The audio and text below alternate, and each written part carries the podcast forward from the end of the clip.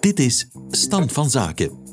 Een podcast van BNP Paribas Fortis met chief economist Koen Deleus en chief strategy officer Philippe Gijsels. Elke maand staan Koen en Philippe stil bij een tijd die zelden nog stilstaat. Wat valt hen op en wat houdt hen bezig in onze wereld die niet stopt met veranderen? En wat betekent dat voor de economie, voor de markten en voor jou? Koen en Filip overlopen het met host Francesca van Tielen. Dag Koen, dag Filip. Dag Francesca. Dag Koen. In deze aflevering blikken we terug op de eerste helft van 2022. Hoe zit het met de inflatie, de rentestijging en de beurzen? Hoe zijn de soms tegengestelde bewegingen te verklaren? En waar gaan we naartoe in de tweede helft van 2022 en de komende jaren? De afgelopen maanden trokken de Amerikaanse en Europese centrale banken de rente fors op.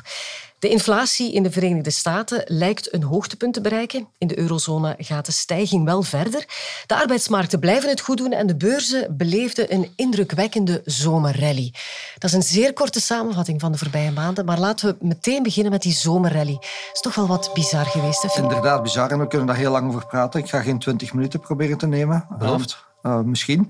Maar uh, inderdaad, we hebben een spectaculair jaar gehad. In de eerste jaarhelft was het glas volledig ramleeg. Je had uiteindelijk de oorlog in Oekraïne. Inflatie was aan het stijgen. Centrale banken waren verplicht hun rente te verhogen. Dat zou tot een recessie of stagflatie gaan leiden. Uh, zou de bedrijfswinsten onder druk gaan zetten. En dan ineens eind juni, begin juli en dan ook het groot stuk van augustus, uh, was het allemaal weer uh, roze geur en maneschijn. Want ineens leek die inflatie te toppen. Centrale banken die moesten dan eigenlijk niet meer zoveel gaan doen. We zouden dan misschien een klein recessietje maar krijgen.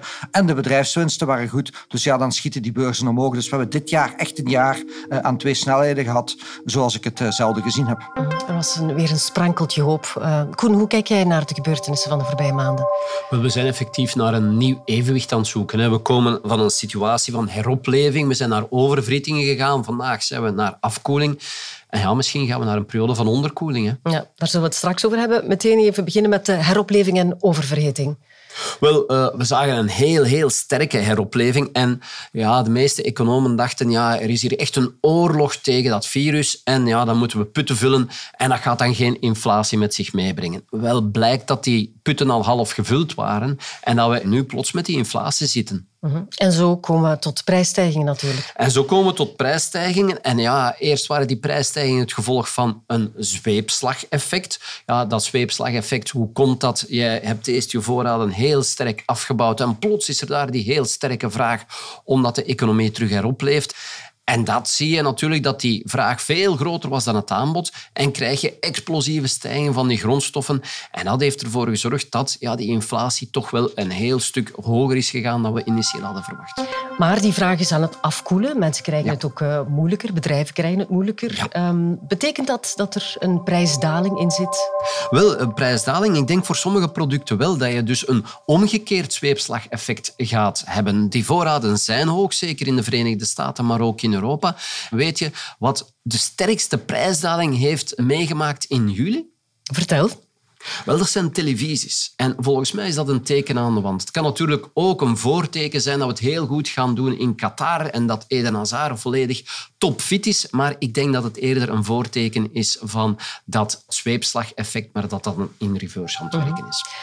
Maar waar we geen prijsdaling kunnen verwachten, dat zijn de energieprijzen, neem ik aan, Filip? Ja, inderdaad. En die grondstoffenmarkten die blijven wel een beetje bizar. Als je bijvoorbeeld naar tarwe kijkt. Tarwe staat onder het niveau van eh, voor de inval in Oekraïne, wat het toch een beetje bizar is. De koperprijs, waar we absoluut van weten dat we meer gaan nodig hebben in de toekomst en dat we niet genoeg aanbod hebben, staat ook lager. Maar wat inderdaad het meeste in het oog springt en de mensen het meeste naar kijken, ze zijn natuurlijk het meeste voelen in hun portemonnee ook, eh, zijn natuurlijk die energieprijzen en dan vooral de gasprijzen. De olieprijs, dat valt nog mee. Maar natuurlijk de gasprijs, dat is een totaal andere markt dan de olieprijs. De oliemarkt is een wereldmarkt. Je kan olie eh, nog altijd gemakkelijk transporteren van de ene plaats naar de andere. Uh, voor gas is dat niet het geval. Dus dat is absoluut geen wereldmarkt. En dat maakt ook dat die prijzen van gas uh, absoluut verschillend zijn. De prijs van gas in Europa is zes keer hoger dan in de Verenigde Staten, wat natuurlijk de concurrentiepositie van een aantal Europese zeg maar, chemiebedrijven of andere niet te goede zal komen. Dus je dan terugkoppelt naar die die inflatie, waar Koen eh, ook het over had. Ja, dat is een heel volatiel gegeven, want die gasprijs is natuurlijk heel belangrijk in die inflatie. Die gasprijs is heel volatiel, dus dat betekent ja, dat die inflatie ook wilde sprongen zal maken. Dat zal het moeilijk maken voor economen zoals Koen om voorspellingen te doen, maar dat zal het ook moeilijk maken voor de centrale banken om voorspellingen te doen. De gasprijs die weegt zwaar door in de inflatie in Europa, maar ook de Verenigde Staten kan met zeer hoge inflatie. Hoe zie je dat verder evolueren? Wel, die inflatie is dus echt wel onverwacht sterk. En gas en olie, zoals Flip aanhaalt, heeft daar veel meer te maken. Maar heeft natuurlijk ook veel te maken met die stimuli, extra stimuli die in de economie zijn gepompt. En vroeg of laat ja, geeft dat tweede ronde effecten. En zorgt dat ervoor dat de prijzen beginnen stijgen, dat men meer loon gaat vragen. Als we meer loon gaat vragen, ja, dan blijven die prijzen opnieuw stijgen. Kom je in eigenlijk een negatieve spiraal. En op dat moment moeten de centrale bankiers reageren. Door de rente op te trekken? Door de rente op te trekken.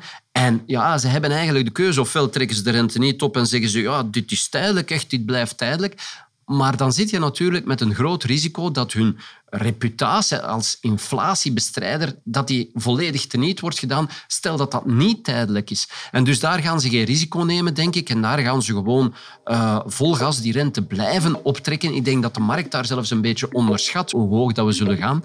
En uh, ze gaan geen angst hebben om een recessie te creëren.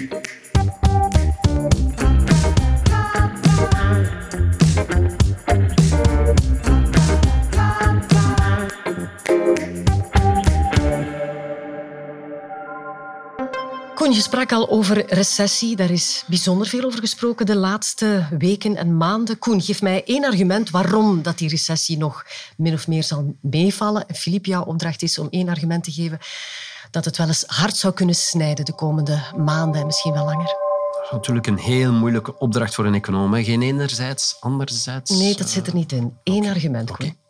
Oké, als ik er dan echt één moet uithalen, dan denk ik dat die stevige arbeidsmarkt, dat dat toch gaat voorkomen dat we naar een diepere recessie gaan. We zien vandaag dat de vacatures gewoon niet ingevuld kunnen worden. Er zijn heel wat redenen waarom dat die niet ingevuld kunnen worden. Je hebt daar vergrijzing, je hebt structurele verandering als gevolg van die crisis. En dan denk ik dat heel wat bedrijven heel terughoudend gaan zijn om hun personeelsbestand te gaan terugschroeven. En dat gaat ervoor zorgen dat je niet in die negatieve spiraal uh, komt van ontslagen, minder consumptie, minder bedrijfswinst, terug ontslagen. En zo gaan we kunnen vermijden dat we naar een diepere recessie gaan, uh denk ik.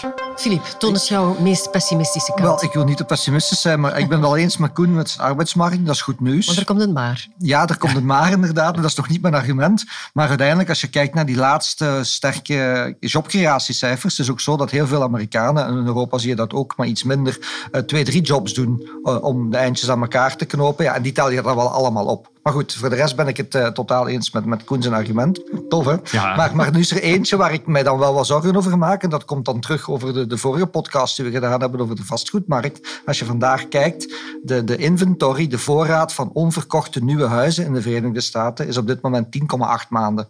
En dat is zeer veel. Uh, in het verleden hebben we eigenlijk altijd gezien uh, dat als dat cijfer zo hoog oploopt, dat je dan wel vaak een recessie krijgt. Want dan kan je minder gaan bouwen.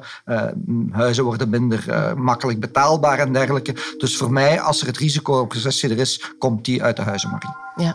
De huizenmarkt in de Verenigde Staten doet het dan niet zo goed, uh, vertel je net. Uh, dat heeft natuurlijk te maken met de hogere rente die de centrale banken hebben doorgevoerd als instrument om de inflatie aan te pakken, Koen. Of hebben ze nog andere uh, manieren om die inflatie te beteugelen?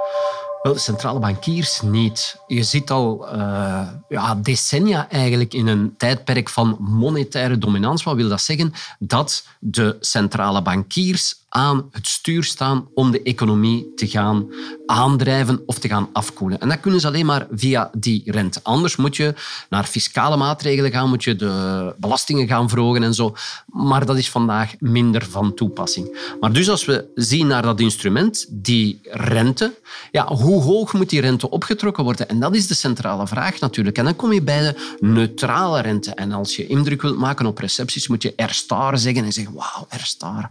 En uh, die R-ster, ja, die neutrale rente in Amerika, is dat om en bij de 3,3 procent. Dat is de rente waarbij de output gap volledig gedicht is en waarbij dat je geen inflatie gaat creëren en de werkgelegenheid bijna compleet is. Dus eenmaal dat je boven die 3,3 procent zit, ja, dan ga je de eigenlijk de economie afkoelen. Vandaag zitten we daar nog niet. Vandaag verwacht de markt dat we ergens, denk ik, Filip, naar 3,5 procent gaan. Zoiets of iets meer zelfs. Voilà, maar ik denk dat ze nog een stuk meer gaat zijn. Ik denk dat ze zelfs meer naar 4 procent moet gaan om die economie snel af te koelen. En dat gaat natuurlijk toch wel een wake-up call zijn voor de markten, denk ik. Even. Mhm. Ja, welke gevolgen zal dit hebben dan? Ja, voor inderdaad. Hè, en dat is superbelangrijk. Als je terugkijkt eh, naar het begin van de podcast, waar we gezegd hebben, ja, we die, die markt dan twee snelheden gehad. Hè. De eerste zes maanden, ja, de rente was een stijgen. Daar konden de markten niet meer lachen. Ja, dan is de rente terug beginnen te zakken. Eh, en dan hebben we die rally gezien. Dus die, die impact is er wel. En dan gaat het dan vooral over de, de lange rente, die natuurlijk impact heeft. En je hebt natuurlijk inderdaad die Airstar, waar Koen op cocktailparties mee eh, op te scheppen dan. Maar die natuurlijk, als die inderdaad naar 3,75 of 4 gaat, ja, die lange rente, die 10 jaar, staat op dit moment rond de 3.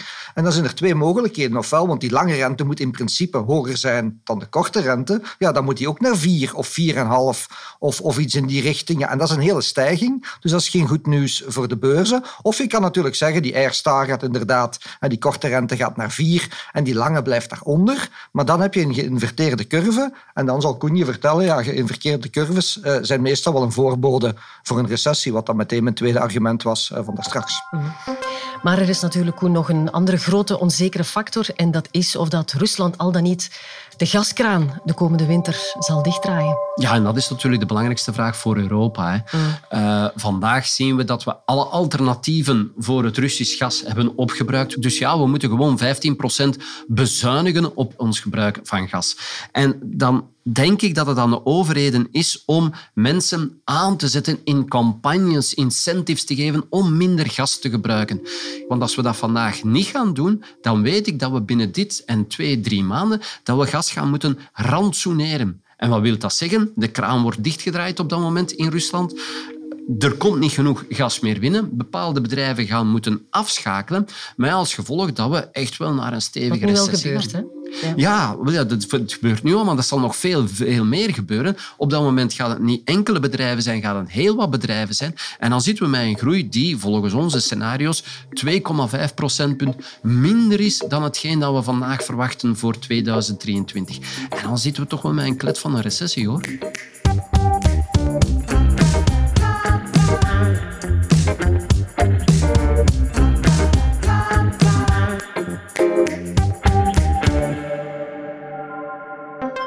We hebben een inschatting gemaakt voor de tweede jaarhelft van 2022. Durven jullie ook al vooruitblikken naar 2023? Misschien zelfs nog verder in de tijd?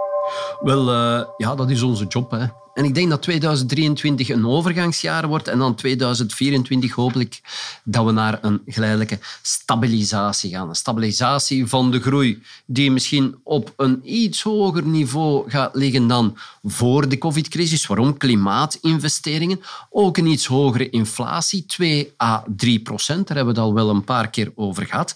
En een cruciale speler gaat daar zijn Duitsland. Hè. Duitsland, dat eigenlijk de motor was van de economie tot nog toe, maar vandaag ja, een beetje het zwarte schaap is. Hè. Ja, omwille van de energie die ze nodig hebben van Rusland, het gas. Ja, het probleem uh, kan ik best schetsen in de woorden van, en, en dit is het moeilijkste van heel de podcast, uh, van Constance Stelzenmuller. En dat is een topvrouw bij het Brookings Instituut.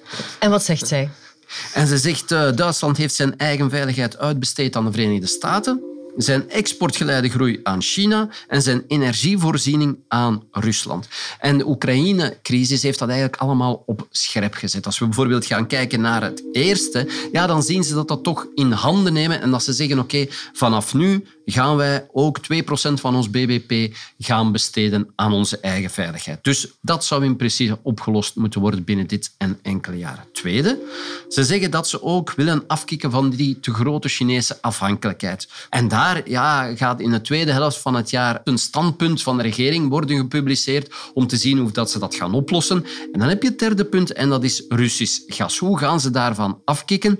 Ja, daar zie je dat men effectief wel bezig is met die campagnes voor energiezuinigheid. Dus dat doen ze echt wel zeer goed. Ze gaan daar effectief door die zure appel bijten. Misschien moet er dan een kerncentrale langer open blijven. Misschien moet er op Europees vlak ergens anders toch opnieuw gas opgepompt worden. Maar laten we hopen dat we dat als Europees geheel dat we daar ook door geraken. Nu, met al die serieuze uitdagingen, stel dat Duitsland daardoor geraakt in die transformatie, dan zou het wel eens kunnen zijn dat het terug een stevige leidersrol in Europa kan opnemen.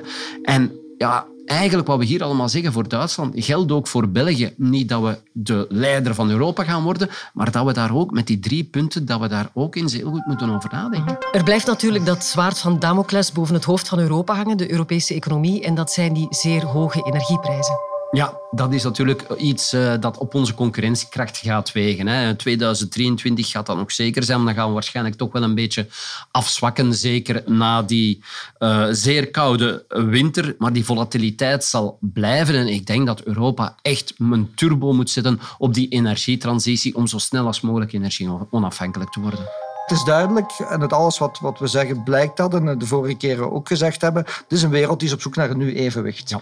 En dat zijn zo scharniermomenten in de tijd. We zitten op zo'n moment eh, en ik denk ja, dat dat gaat enorme volatiliteit geven, maar dat gaat ook enorme opportuniteiten brengen.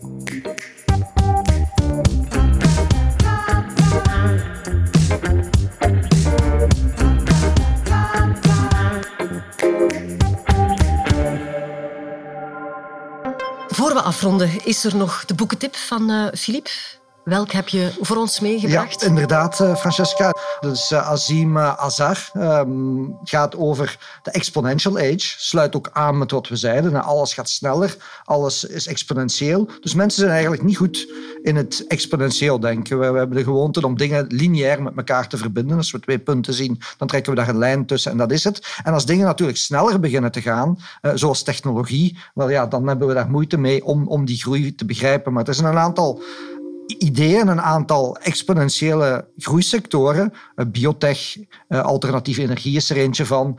Uh, manufacturing met 3D-printing en zo verder, artificiële intelligentie. En die gaan heel snel. Maar wat ik aan het boek zo interessant vind, dat is een optimistisch boek, want er komt vooruitgang, er komen nieuwe dingen. Maar aan de andere kant hangt dit ook af van die globalisering. Want exponentiële technologieën moet je geglobaliseerd zijn, want je moet die kunnen uitrollen over heel de wereld. Als je zeven verschillende internetten hebt, dat helpt u niet.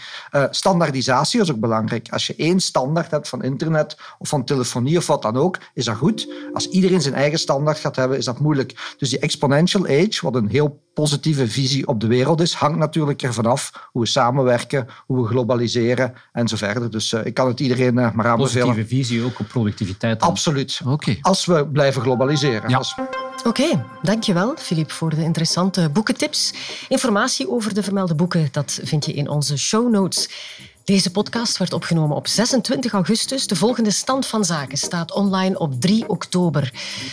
Koen en Filip, het was weer zeer boeiend en we hadden weer te weinig tijd. Zoals maar altijd. dat is het leven. Hè. Dankjewel. Dank je. Dank je. Dag.